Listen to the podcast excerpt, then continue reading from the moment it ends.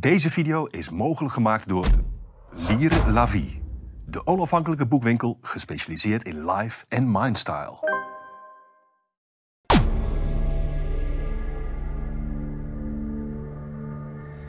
Goedeochtend, middag, avond, eh, lieve kijkers. Welkom bij, weer bij Café Weltschmerz, een aflevering over boeken. Mijn naam is Peter Tonen.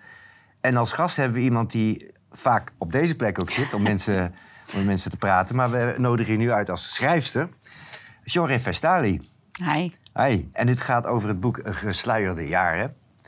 Ehm, ja, wat ik al zei, mensen kennen je inmiddels van allerlei podcasts die je zelf doet, ook hier. En wat eigenlijk ondergesneeuwd geraakt is, is dat boek Gesluierde Jaren. Wat, je, wat een jaar geleden uitgekomen is. Je vertelde het op 8 maart, Wereldvrouwendag. Ja.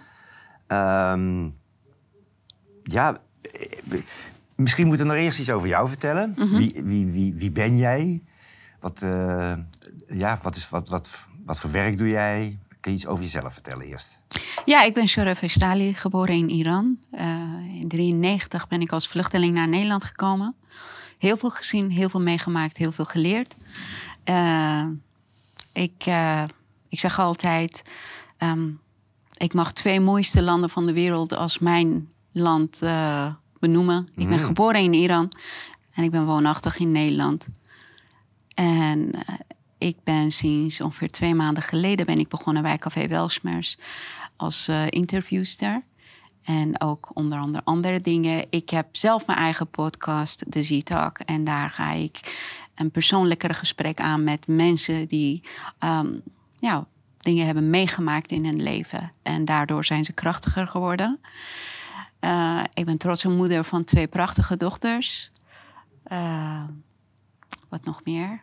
En eh, ja, en hier zit ik vandaag nu Ja. met jou. En dan mag ik over mijn boek praten. Ja. Je zegt dat bij, die, bij, ziet, bij je eigen podcast heb je het over mensen die iets meegemaakt hebben... die daardoor krachtiger geworden zijn. Dat moet iets zijn wat je herkent? Denk ik. Kijk, ik, ik, ken, het, ik ken het niet. Ik, ja, ja. Ja, maar je hebt ook nog wel meegemaakt, toch? denk ik van wel. ja. Ja. Ja. ik heb geen zijleven gehad tot nu Nee. toe. Nee. Nee, en dat... dat maar laten we maar gewoon even over... Kijk, wat ik bijzonder vind, is dat... eh, er zijn... ehm, hoe zeg je dat? Je hebt het bewind... Je hebt de, om- de overgang meegemaakt van het bewind van de Shah... naar de Ayatollahs, om het zo te zeggen, in Iran. En daar schrijf je eigenlijk over. Dit boek, eh, lieve mensen, is eigenlijk gewoon een liefdesverhaal. Tenminste, zo Het is een je het waar lezen. gebeurde Het is een waar gebeurd liefdes... Het is een waar Ja. gebeurd verhaal. Het leest heel lekker, vind ik. Dus het is, als je begint, dan je het in één ruk uitlezen. Dat hoor ik vaak. Ja, dat is echt Dankjewel. zo. Dus mijn compliment wat dat betreft. We gaan dus ook niet verklappen hoe het afloopt. Ehm, maar het vertelt heel veel. En eh, eh, daar, daar schrik ik dan als Nederlander van. Van de gruwelijkheden die, die zo'n totalitair regime kan brengen. En, en hoe ineens dat allemaal veranderd is. Dat... eh, ja, ik bedoel, wat... wat ja, het, is, het lastige is, we gaan dan bijna verklappen wat hier gebeurt. Maar ehm, ja, hoe was dat voor jou, in het kort gezegd? Niet prettig. Ja? Het was heel veel wennen, heel veel eh, woede, frustratie en eh, angst, onzekerheid. Wat ik hier probeer te schrijven is eh, hoe het is voor een tiener om in een dictatoriale land te, voelen, eh, te leven, terwijl dat je geen logica kan vinden. Want kijk, eh, gevoelens waren verboden, hè? gevoelens van vreugde, van verliefdheid. Ehm, en gevoelens, je kiest er niet voor, het overkomt je. En dan moet je je schuldig gaan voelen. Omdat, omdat nare consequenties zijn aan die gevoelens verbonden. En dat was voor mij een hele grote onbegrip. Want ik had ook de jaren voor de machtsovername meegemaakt. En toen was alles normaal. En ik probeerde in mijn puber hersenen achter te komen... Hoe, wat is de logische verklaring hiervoor? En ik kon niks vinden. En je ouders die konden het ook niet echt aanreiken? Of... Nee, niemand. Niemand. Het was gewoon, het is eenmaal zo. Dat was het an- eh, standaard antwoord die ik kreeg. En dat was voor mij niet goed genoeg. Het was niet overtuigend. Ik vond het geen argument. En eh, ja, En dat ging het vrij snel? Was het... het was binnen. eh, kijk, het begon, machtsovername begon met allerlei mooie beloftes. Dat eh, leven wordt veel mooier, veel beter. Terwijl dat land. ehm, een enorme eh, eh, stappen nam naar welvaart en modernisatie. Dat was al gaande voor Ja, de, voor de, ja. de koe. Ja, en dat was niet. Blijkbaar op een gegeven moment was dat niet meer genoeg. Want mensen kregen allemaal van eh, valse beloftes. Dat kunnen wij nog beter maken. En een van, nou, aantal van die stomme beloftes die werden mensen eh, gemaakt waren. Nou, iedereen krijgt een gratis eh, huis. Iedereen krijgt gratis auto. Iedereen krijgt gratis voedsel. Je hoeft helemaal niet meer te werken. Omdat Iran zo'n rijk land is. We komen, dat, was, dat werd echt letterlijk zo verteld. Hè. We komen elke maand bij jullie aankloppen met jullie geld. En mensen dachten, hé, hey, we moeten nu bijvoorbeeld één man werkt en zes mensen eten en iedereen had het goed. Iedereen had een huis, dak boven hoofd. Eh, onderwijs was gratis, zorg was gratis, ehm, energie. Eh, dus gas, water, elektriciteit was ook bijna gratis. Je betaalde twee keer per jaar, per half jaar, iets van een paar cent ervoor. Dus het was letterlijk eigenlijk gratis. En mensen zeiden, ja, we hebben het nu zo goed. Maar hoe, goed, hoe mooier is dat als wij dat als geld wordt bij ons eh, aan de deur gebracht. Ja. En, en ze hebben gezegd ook, we kunnen ook garanderen dat jullie na jullie dood ook eh, gegarandeerd in hemel gaan belanden. En daar voor altijd en ever en ever perfect gaan leven. En mensen werden daar verliefd op, denk ik. Maar dat, wacht even, is dit, dat, dat is wat de, de Ayatollahs beloofden? Of het, eh, was, was dat het leven Het was daarvoor? een hele. Nee, kijk. eh, het was een, eh, het was een geplande, geplande actie. Hè? Eh, de- Julian Assange heeft ook allemaal documenten uitgegeven. Hele machtsovername in Iran die werd door Soros eh, gefinancierd. Dus ehm, Iran werd te machtig, te groot en te sterk. En dat mocht niet. Eh, want dat gebied van de wereld moet altijd onstabiel blijven. En dat zie je ook. Hoe, wat, wat gaat, eh, hoe gaat het in Afghanistan, in Irak? Het is altijd onrustig daar. Als daar rustig is, dan is de hele wereld rustig. En eh, dat mocht niet. En eh, dus. eh, Ja, maar dat, dat is wat je achteraf zegt. Nee, maar ik ben, geïnteresseerd in hoe- snel zo'n proces gaat. Heel snel. Ja. Twee jaar tijd. Oké. In twee jaar tijd zijn wij van een compleet vrije land... zijn we beland in een dictatuur. In het begin was het, nou weet je... ehm, we, gaan, we gaan jullie leven na de dood garanderen... dat het altijd in hemel is. En eh, niks is geëist, hè. Dus vrouwen mogen een hoofddoek opdoen als ze dat willen. Mannen mogen, eh, weet ik veel, lange kle- eh, mouwen kledingen dragen als ze dat willen. En het komt helemaal geen beperking tussen man en vrouw. En toen ze eenmaal aan de macht waren, dan was het ineens, alles was een eis en geen vraag meer. Dus je deed het of je werd opgehangen. Je deed het of je werd voor altijd eh, opgesloten in een gevangenis. Maar hoe krijg je dat voor elkaar? Geweld. Geweld. Geweld, alleen maar geweld. Als, ik, ik kan me herinneren beelden dat eh, in Teheran heb je een hele lange straat. Toen heette Pa- Pahlavi-straat, Ja. de naam, achternaam van de koning van Iran. Nu heet het Waliasr-straat. Waliasr betekent degene die ehm, een profeet of iemand, een geestelijke karakter van nu die voor altijd leeft. En het is een hele lange straat. eh, die is vol met hele grote oude bomen. En op elke boom hing het lijf van mensen die werden opgehangen na de machtsovername. En die waren allemaal mensen die functies hadden eh, in, de, of in, in de regering van de koning.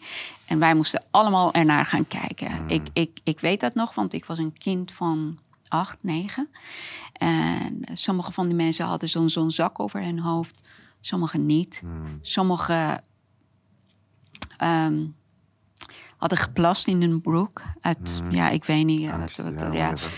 Eh, dus eh, en als, je, als jij zo'n beeld ziet, maakt niet uit of je acht bent of eh 50 of 20, Ja. Dan weet je dat je sommige dingen niet moet doen. Anders eh, is het afgelopen op een hele gruwelijke wijze. Dus geweld. Je zegt het nu met een glimlach. Maar Met een trieste glimlach eigenlijk. Ik, eh, ja. ja, nee. Dit, dit, voor mij is dat niet te bevatten, maar zo. Ik oh, denk- het kan heel makkelijk gaan hoor, Pieter. Ja. Ja? Kijk hoe. Tuurlijk. Kijk, waar wij nu in zitten, als je dat vijf jaar geleden met mensen had besproken, werd je voor gek eh, verklaard. Maar we zitten erin. Ja, we, we, want- hebben, we zijn gewend dat censuur komt. Ja. Sommige dingen mag je niet zeggen op social media. Mhm. Eh, sommige, di- ja, sommige dingen mogen niet benoemd worden. Het, in, in de Europese samenleving gaat het ietsje langzamer. Mhm. Eh, kijk, wat, wat daar gebeurde is ook eh 50 jaar geleden ongeveer. ja. Je moet het ook in het licht van de tijd zien. Ja. Je had toen nog geen social media zoals we dat nu kennen. Dus je was ook afhankelijk van, van de be- beperkte media die er waren. Ja. En, van wat je, en, en dat was makkelijker ook aan te sturen, stel ik Ja, me voor. zeker. zeker. Eh, ja. Dus makkelijker manipuleerbaar. ja. Ehm, ja, ik stel me dan ook voor dat ook een, eh, de hele sociale structuur eh, uit elkaar getrokken wordt. Want wat, Ja. kijk, we leren jou heel ook kennen als, als een creatief, opstandig meisje. In de zin van, je ging iedere keer zoeken, hoe, hoe kan ik er wel Ja. doorheen komen? En je moet extreem voorzichtig zijn om niet in de problemen te komen. Want het kon gewoon mijn leven kosten. Kijk, kunnen we zeggen dat je geluk gehad hebt, achteraf? Je, ho, Ja. je hebt vana- even relatief, hè? Ja. Want je hebt het overleefd. ja, ja, ja, snap ik. Even- Ik snap wat je bedoelt. Ja, Ja. want wat je beschrijft, dat, is, dat wil ik niet meemaken. Nee. Eh, maar goed, je hebt het wel overleefd. Ik bedoel, eh, om je heen heb je mensen echt zien verdwijnen en sterven enzovoort. Eh, Mijn eigen tante. Ja, Ja. maar hoe... Ik probeer dan daar een, eh, een soort sociaal leven in voor te stellen. Hoe gaat dat dan? Hoe leef je dan? Kijk, je hebt Alles normaal, went. Je hebt normaal een, je hebt sociale verbanden, familie, vrienden enzovoort. Alles went, Pieter. Alles went. Alles went. Je, kijk, er zijn mensen die dierbaren verliezen. Ja? Op het moment dat dat gebeurt, denken ze dat ze niet meer kunnen leven. Maar je ziet ze tien jaar later, ze kunnen zelfs soms lachen op een grap. Betekent niet ehm, dat ze geen pijn hebben. Maar elke pijn, elke beperking, elke ehm, eh, tekortkoming, elke misdaad, die wendt op een gegeven moment. Betekent niet dat je ermee eens bent. En een sterke mind, eh, die overlevingskracht in elke mens, die zoekt naar een oplossing. Die wilt gewoon kijken, oké, dit is de situatie, maar hoe, wat kan ik, het- hoe kan ik het beste ermee omgaan? En dat heeft wat gedaan met mijn generatie. Generatie van mensen die toen klein waren en ze moesten hun leven pas beginnen. Eh, we zijn creatiever geworden, we zijn, eh, we zijn alerter. Ja, dat laatste. je snapt misschien ik heen wil. Eh, als ik je mag onderbreken in dit verhaal. Kijk, wij hebben dan eh, twee jaar terug, is het alweer, kregen we weer de lockdowns. ja. Ja, je hebt het al eens vaker vermeld, maar eh, als ik dat. Nu, ik- je hebt al vaker verteld dat jij heel veel herkende daarin. En nu ik dit boek lees, begin ik dat te begrijpen. Maar eh, wat, zijn voor jou de parallellen? Er waren een aantal dingen dat ik, toen ik dat hoorde, dacht ik gelijk: nee, dat gaat niet nog een keer gebeuren. Eh, we doen het voor de greater good. We Oh, doen ja. het samen. Ja. Het is een onzichtbare vijand. En we zijn in oorlog met wat je niet ziet, niet voelt, niet kan weten of die aanwezig is, maar je moet ervoor behoeden. Mhm. Dan dacht ik: nou, kom on, niet nog een keer. Die heb ik al letterlijk nog eerder meegemaakt. En ik weet hoe dat gaat aflopen. Want op een gegeven moment worden mensen zo gek, zo zwak, zo onzeker. dat ze niet meer het verschil tussen realiteit en, en, en een leug eh, of een fantasie kunnen beseffen. Heb, heb jij nog eh, contact met anderen uit Iran in Nederland? Of je bent- Ja, ik vraag dat een beetje. Ja. Of, knap je, dit is heel erg jouw verhaal. En Ja. lieve mensen, lees het. Eh, dit moeten voor meer eh, gevluchte mensen... een- moet dat een déjà vu geweest zijn... wat er hier twee jaar terug... Als je Iraniërs die eh, in mijn leeftijdscategorie vallen, als je ze praat, Mhm. als je met ze gaat praten, hebben ze allemaal hele indrukwekkende verhalen om te delen. Maar Dus, de- ook, eh, ook de herkenning van toen hier de lockdowns kwamen... Nou, nee, heel veel niet. Kijk, maar en mijn hele familie woont hier. Hè? Ja? Moeder, vader, zussen, broers en zo. Maar ze willen het niet zien, want ze zeggen: kijk, hier hebben wij veiligheid gevonden. Ze hebben ons Ja. gered. Ze hebben ons een veilige huis, home gegeven. Ze kunnen niet slecht Dus zijn. gaan niet klagen. Dus ze, gaan, nee, ze, gaan, ze, gaan, ze willen absoluut niet accepteren dat dit eh, nog een keer kan gebeuren. Maar dat heeft dan ook met... kan ook met getraumatiseerd zijn te maken hebben, hè? Ehm, in mijn geval of in het geval van mensen Nee, die dat niet willen maar zien? Ik kan me voorstellen dat als jij... Je hebt Iran overleefd, om het zo te zeggen. Althans, die, die hele revolutie en wat daarna kwam. En dan kom je in Nederland. eh, dan, dan, eh, en je... Stel, er gebeurt hier iets wat erop lijkt. Dat lijkt me ook confronterend dan.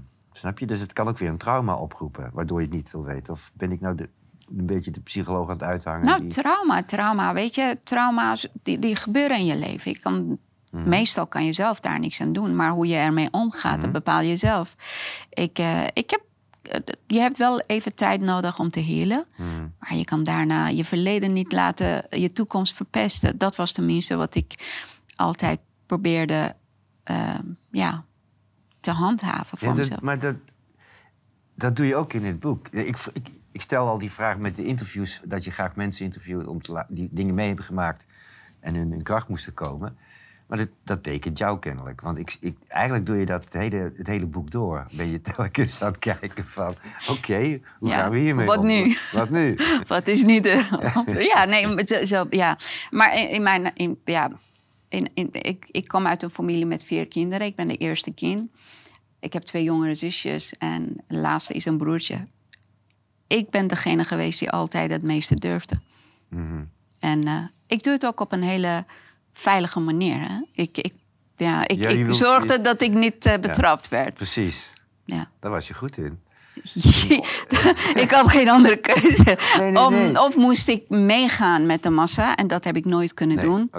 Of moest ik iets bedenken dat, ik, dat mijn leven niet in gevaar komt, want dat, dat was de Ja. consequenties. Je kan, je kan echt als een achtjarige of negenjarige worden opgehangen. Het was geen, ja, ja, tuurlijk. Het was geen leeftijdsgrens of zo. Dus het was een kwestie van eh, leven en dood. Tuurlijk kies ik voor leven. En je maakt je verschillende malen in het boek als, als meisje, maar heel erg druk om het eh, verschil in behandeling tussen eh, jongens en meisjes, hè? tussen mannen en vrouwen. Ja. Maar hoe was het als meisje dan? Frustrerend. Frustrerend. Ik, kijk, ik, weet, ik wist toen ook dat Ja. het is een verschil tussen een meisje en een jongen. Tuurlijk, Ja. dat is de fysiologie. Ja, of dat, dat is de natuur. Maar ik kon niet snappen waarom eh, bijvoorbeeld een- jongens mochten op straat eh, spelen en meiden niet. Waarom mag een jongen op straat lachen en waarom als ik lachte werd ik opgepakt? Ik, ik kon geen logica daarin vinden. En als ze dat logisch voor me gingen uitleggen, had ik misschien minder moeite ermee. Maar ik, ik, ik ben nu nog steeds zo. Als, als ik iets niet kan begrijpen, dan, dan ga ik het ook echt niet doen. Zolang dat ik het niet. Ik ga niet iets doen omdat het gevraagd wordt. Ja. En dat is ook, weet je, ik vind dat, dat. Ik ben geen hond of ik ben geen dier dat ik moet doen wat mij gezegd wordt. Ik heb ook hersenen die ik eh, ga gebruiken. Ja, wat ik boeiend vind, is, dat herken ik. Ik denk dat veel kijkers het ook herkennen. Dat dat kennelijk niet cultuurgebonden is. Nou, je hebt heel veel mondige vrouwen in Iran hoor. Ja? Ja. Ja. Het wordt hier misschien zo eh, neergezet, maar je hebt echt. eh, Iraanse vrouwen zijn heel, vind ik, zijn ze heel krachtig. Op dit moment. Of, eh, Altijd geweest. Als ik kijk naar mijn moeder, naar Ja. mijn oma, naar mijn tantes. Er zijn allemaal mensen die zelfs ik nu nog steeds naar ze opkijk. Hmm. We- Weet je iets van de situatie nu in, in Iran? Ja, het is heel heftig nu. Vertel. Heel veel demonstraties. Mensen, eh, ze hebben eigenlijk niks meer te verliezen. Tuurlijk, je hebt, je hebt eh, Nee, wat, wat is er gebeurd dan dat ze niet verliezen hebben? eh, eh, eh, corruptie, onveiligheid. Alles is zo duur dat mensen... Ja, een normale burger kan niks meer betalen. Je hebt tuurlijk, je hebt een laag die alles heeft. En Ja. die kan gewoon... ze Dus kunnen zelfs hun kledingen matchen met de kleur... Of nee, ze kunnen een auto, de kleur van hun auto matchen met de kleding... wat ze Ah, die op die dag gaan dragen. Dus je hebt echt steenrijke mensen... dat je niet eens kan voorstellen... Hmm. dat iemand zoveel geld kan hebben. En je hebt mensen die... dat de vader moet bijvoorbeeld een nier verkopen... om zijn familie Ja, voor een maand brood te kunnen geven. En QR is nu heel erg eh, eh, ehm, aan het uitrollen in Iran. Het laatste wat ik heb gehoord eh, is dat per persoon mag eh, met QR elke dag twee derde van één brood kopen. En als ze meer willen, dan moeten ze dat op de zwarte markt vinden. En eh, prijzen zijn in één nacht zijn ze tussen 100 tot 150 procent ges- gestegen. Ehm, en mensen waren heel erg boos. Ze gingen allemaal straat op en eh, ze gingen allemaal protesteren. Want zeiden, weet je, als ik thuis blijf, dan ga ik toch ook dood. Ik heb, weet je, ik heb te niks. verliezen, ja. ja. En dan ineens gebeurde een ramp. Eh, in in Zuid-Iran eh, waren gewoon twee hele mooie, chique, moderne beeldingen, gebouwen. Die heten Twin Tower. Nee, Ja, en die zijn ineens Uit- of nowhere ingestort. uiteraard. En zonder vliegtuig. Nee, zonder vliegtuigen. Nou, da- daar hadden ze geen tijden voor, denk ik. Om die, Maar die-. Maar met iedereen. Kijk, het. het he- ja. Mhm. Maar ehm, daar is dat gebeurd vorige week. En heel veel rijke mensen, heel veel jonge mensen woonden daar.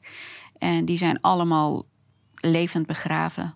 En nu is iedereen daarmee bezig. Nou ja. Want de hele land wil die mensen helpen.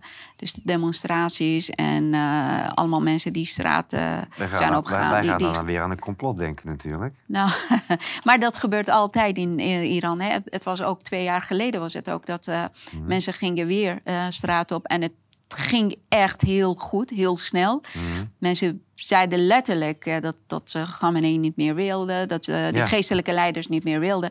En ineens gebeur, gebeurt iets zoals die MH17 daar, een vliegtuig die zou vliegen naar Oekraïne en daar vandaan naar Canada. Die werd gewoon vlak na de opstijging, die werd neergestort. Door een fout. Foutberekening. Die werd eh, geschoten door... Ik Ja, weet niet, ik- is die heb je meegekregen. fout. Ja, ja. Dus het, het gebeurt regel te vaak om het puur toeval te noemen. Te- in ieder geval, ik zie het zo. Ja, want ik, ik kan me herinneren. Opvallend is wat je nu vertelt, dat zien wij nu niet in het nieuws. Tenminste, Absoluut niet. Ik en dat het nu valt, van jou. Ja, dat valt mij ook Ja. heel erg op. En ik geef het ook aan. Ja. Nodig me uit. Laat me gewoon hierover praten. Ja. Of ik kan jullie genoeg filmpjes en Mhm. eh, materiaal sturen. Maar het wordt helaas niet eh, erop ingegaan. Nee, ik kan me herinneren, een paar jaar terug zijn er ook opstanden geweest. En op een gegeven zijn moment altijd kan ik me ook herinneren, twee jaar terug was er zo'n hype met eh, vrouwen die geen sluier meer droegen. Eh, we zitten- dat, dat, Dat, soort- was een, dat was een controlled actie, hè? dat dacht ik al, ja. Toen, was het, toen waren mensen ook allemaal massaal de straat. eh, Mhm. Toen gingen mensen massaal de straat op.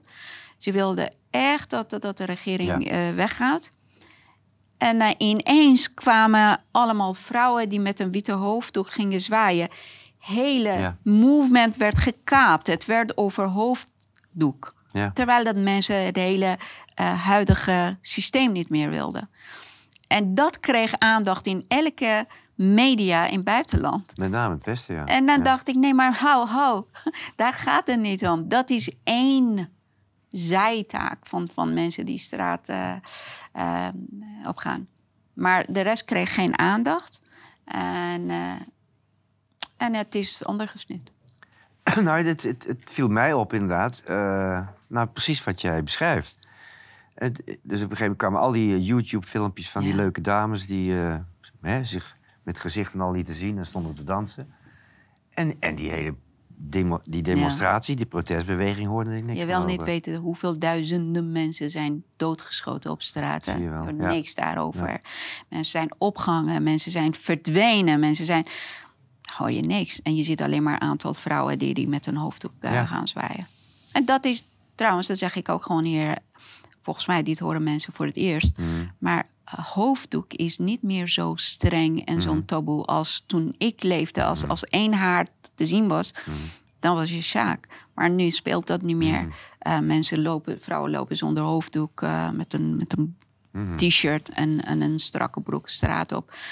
Ehm, maar mensen hebben daar nu andere problemen. Mensen hebben geen veiligheid, mensen kunnen niks betalen. Een gewone burger, hè? gewone normale mens. Ja, dat is natuurlijk ook weer door, de, door, door sancties vanuit het Westen. Sancties treffen alleen uh, gewone Ja. mensen. Hè? De mensen die aan de top zitten hebben daar geen last Ja. van. Ja, die gaan echt, echt eh, niet, niet minder eten omdat ze dat niet kunnen betalen. Nee, nou goed. Het, ja, dan ga ik, je gaat daar parallellen trekken, trekken tussen wat daar nu gebeurt en hier ook weer. Want Ja. wij zijn nu met sancties tegen Rusland bezig. Is ook onzin. Die wij gewoon zelf op ons brood krijgen. Ja. Wij hebben onszelf het hardst mee. Ja. En je, je beschadigt gewone mensen. Ja. Mensen die al kwetsbaar zijn, die al heel veel verloren hebben. Ja. Die, eh, die, die, moeilijk in het leven kunnen blijven. Je maakt ze nog moeilijker. Ja. Dus hoe dom is dat? Dit, dit boek, ver- eh, eh, eh, dit moest jij schrijven. Hoe ging dat? Hoe is het ontstaan?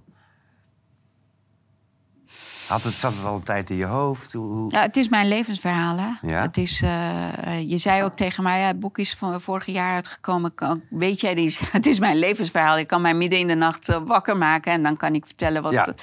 Dus, eh, de, maar de- ik had, de, in- de inhoud die... het is, eh, ja? Ik ga een algemene beschrijving geven. Het is mijn eerste keer dat ik liefde heb echt meegemaakt. Mhm. En wat een eh, dictatoriale aanpak dat kan verwoesten. En ook andere verliefden. We- Weet je wat? ehm, hoe hard kan je gestraft worden als je normaal menselijke behoeftes hebt? En ik heb het niet eens over seks of zo, maar gewoon mooi gevonden worden. Dat, dat hoort bij tiener zijn. Willen dansen, willen vrolijk zijn. En ehm, het is heel, heel onverwachts afgelopen. Ik heb ook een aantal jaren nodig gehad om bij te komen. En eh, dan daarna moesten wij gelijk vluchten naar Nederland. En, ehm, eh, en dan werd ik zelf dodelijk ziek. Ik heb twee keer kanker meegemaakt. Ja, heb je ook nog en dan, eh, weet je, ja, dus nadat alles een beetje in de rustige, wat rustiger was in mijn leven, dan dacht ik, ik wil het, ik wil het op papier zetten. Het is een verhaal dat ik graag met mensen wil delen. Want ik ging het in mijn eh, eh, persoonlijke kringen met mensen delen. En ze zaten gewoon echt. Dit moet je opschrijven. Dit moet, dit moet iedereen Ja. horen. Ja. En eh, dus ik dacht, oké, ik ga het schrijven. Maar omdat, kijk, ik heb het echt beleefd. Hè? Dus het is in de vorm van een film in mijn hoofd. Dus ik heb Ja. het opgeschreven en ik kan goed scenario's schrijven, films schrijven. En dan kwam ik mijn uitgever tegen, eh, Batavia Publisher. Een hele goede, we zijn inmiddels ook goede vrienden geworden van elkaar. Ah, altijd en mooi. eh, ja. en hij... Nee, een goede, uit- goede relatie met een uitgever is Ja, belangrijk. is heel belangrijk, ja. En eh, ik, heb hem, ik heb hem dit gestuurd. En hij zei, wow, dit gaan we gewoon uitbrengen. En we gaan hem wel een beetje... eh, we gaan hem veranderen naar een boek. En, eh, maar ik, elke, elke hoofdstuk ging ik zelf lezen. En het ging, ik, ze gingen pas verder naar de volgende hoofdstuk... als ik 100% daarmee akkoord ging. Dus de belevenis wou ik ook gewoon voelen. En ehm, het, het, het is iets die voor corona klaar lag. Ja? En, eh, en na corona is die gepubliceerd. Ja. ja. Ja, en toch... He- he- heeft dat nog effect gehad? Corona? Ja, op, op, de, op de- het publiceren, het verkoop van het boek? Ja. Ik- Ja, want ik was al een wappie hè, toen het boek Ja, uitkwam. ik- dan dan ik eh, mainstream je- media wilde niks ermee te maken hebben. Nee, dat niet. Maar misschien wel een ander publiek. Want wat, eh, ik weet dat in de, vanaf de coronatijd überhaupt mensen meer zijn gaan lezen... omdat ze thuis zaten. En ik weet ook dat het, ik van collega-uitgevers... eh, ook dat eh, het aantal boeken over zingeving en geschiedenis... Dat is, eh, de verkoop daarvan is toegenomen. Maar dan heb je het misschien over mensen die al naar zichzelf kijken. Dus wie, wie, wie, wie denk je dat jouw... Volgens mij is jouw boek voor iedereen bedoeld.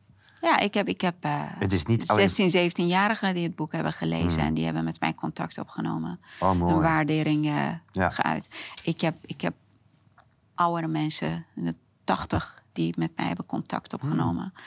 En ook mensen van mijn eigen leeftijd. Dus ik heb eigenlijk van alle categorieën. Ik heb jongens gehad die, die eh, hebben een bericht gestuurd dat ze dat echt heel erg indrukwekkend vonden. En kijk, het is, het is een ware verhaal. Hè? het, is dus, het is geen fantasie. Of, ehm, dus het doet wat met mensen, denk ik.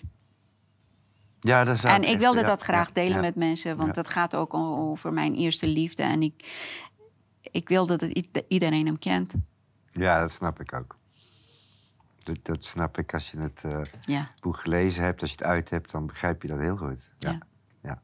Ik heb hem die waardering gegeven dat, ik, eh, dat hij de kans niet heeft gehad om te krijgen. Mm. Denk ik, voor mijn gevoel in ieder geval. Ja, in, in- ik kan me. Ik, kijk, hoe zeg je dat? Je hoeft niet in reïncarnatie te geloven, hè, maar je kan, ik, je, je kan ook zeggen dat iemand in de geest kan doorleven. En dat iemand, de achtergeblevenen, er zorg voor dragen dat iemands geest er nog is. En daardoor nog betekenis krijgt. Zo zie ik het een beetje. Ik ben ook een andere mens geworden. Ja. Ik, eh, ik, ik, ik heb heel veel gehad. En aan die korte tijd die ik met hem heb. eh, Mhm. Met hem ben geweest, nou met hem ben geweest, was vaak telefonische gesprekken en een paar Ja, korte dat- dingen. eh, hoe het, hoe, hoe Nee, maar misschien moeten we daar niet te veel over vertellen. Nee, maar ik voel ook dat, kijk, misschien Ja? klinkt het nu heel gek, maar ik heb zo vaak ben ik de dood ontsnapt. Dat wil je niet geloven. Mhm. Iedereen in mijn omgeving zegt: je hebt iemand die over je waakt. Ja. Ik heb, ik heb vaker dood in de ogen gekeken. En eh, ik maak me daar ook geen zorgen over, want ik voel dat ik in goede handen ben. ja, maar maakt dat ook niet dat je daardoor een soort van eh, verplicht voelt om, om, om, om je verhaal te moeten vertellen? Want je bent een overlever. Je hebt iets overleefd. En Ik ga- ik- ja, dus, dus heb je dan niet de verplichting om, je- om het verhaal te vertellen? Het voelt niet als een verplichting, het is een genoegen om met mensen hierover met mensen te kunnen praten. En dat mensen naar me willen luisteren en dat ze mijn verhaal willen aanhoren, vind ik Ja, echt een eer. begrijp je mijn vraag? Begrijp je waarom ik het vraag? De enige verplichting wat ik voel Ja? Mhm. is mezelf blijven uitspreken, omdat ik twee kinderen heb, twee dochters heb. En ik wil mijn best doen voor die twee. Hmm. En iedereen die naar me intussen kan luisteren en eventueel iets van kan leren. Ja, wie ben ik om Ja, mensen te nee. willen leren? Maar dat is alleen maar mooi meegenomen.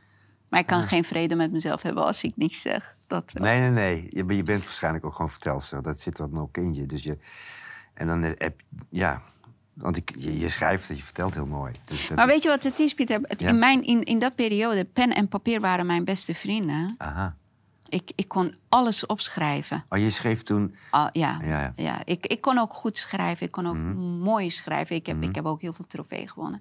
Ja, Ik- je hebt maar- prijzen, in Iran heb je prijs gewonnen. Ja. Maar dan in het Farsi, niet het. Ja. Precies, dus het Nederlands heb je ook nog moeten leren. Ja, Nederlands taal blijft altijd een valkuil voor Ah, ja. de en het en zienbouw en zo. ja. Nee, maar Ja. ik, ik schrijf met gevoel. En ik merk ook... Ja. Kijk, ik heb ook de laatste tijd heel veel met mensen in Iran contact gehad. Mm. Ik, we bellen en ik probeer op de hoogte te blijven. En ik probeer ze ook aan te moedigen om vol te houden. Maar ik merk dat ik never nooit kan die twee talen even goed eh, spreken. Als ik heel veel Iraans praat, dan gaat Nederlands naar beneden en andersom. Het is gewoon echt twee... eh, het is een weegschaal. Ik, ik, kan, ik kan het nooit zo houden. Ik weet niet waarom. En hoe gevoeliger de kwestie voor me is, hoe meer Iraanse zienbouw naar boven komt. Omdat dat misschien mijn moedertaal is, I don't know. Ja, nee, dat hoor je vaker bij. eh, snap je hoe, hoe, meer, hoe emotioneler het wordt, eh, vaak hoe gevoeliger dingen. Dat je dan teruggrijpt naar je, Ja. naar je, ja, je gevoelstaal is het. Ja. Want je hebt het moeten aanleren. Ehm, ja, heb jij nog... We gaan, we gaan het verhaaltje afronden. Ehm gesluierde jaren, verloren vrijheid, verborgen liefde. Ja, dan heb je wel een samenvatting. Ehm, heb je nog een idee voor wie dit... Kijk, ik, ik blijf het zonde vinden dat je boek uitgekomen is eh, en ondergesneeuwd geraakt is. Vandaar dat we er nu aandacht aan schenken. het, Ehm, is, het is best goed verkocht, denk ik, Ja. voor iemand die niet bekend was. Ja. Kijk, het was mijn eerste. En ehm, het is pas een jaar uit. En ja, wie weet. Misschien gaan nog meer mensen dat lezen. Heb jij een idee van wat, wat voor publiek je hiermee wilt bereiken? Zijn er mensen waarvan je denkt, nou, die, dat zou fijn zijn als die het lezen? Ieder mens met gevoel. Ieder mens met gevoel. Ja. Nou, daar heb ik dan verder ook niks aan toe te voegen. Dankjewel voor dit gesprek. Ja, ja sorry. Een aanrader vind ik zelf. Ik, ik heb het echt, ehm, ik geloof in een, in een dagtijd uitgelezen. Knap hoor. en ja, knap hoor. En het was echt, nou ja, het, het, het, ik- jij vertelt al dat je het van meer mensen gehoord hebt. Als je het begint te lezen, dan, eh, dan wil je het uit hebben. En dat is omdat het lekker eh, leest. Omdat het spannend is ook nog een keer. En je wilt weten hoe het afloopt. Eh gesluierde jaren van uh, Joref Vestali. Ik vind het een aanrader. En ik ben blij dat ik hier heb mogen interviewen over dit boek. Want het verdient het wel. Dankjewel. Jij Dank je. bedankt voor, voor je komst hier. En u bedankt voor het kijken, lieve kijkers. En graag tot de volgende keer.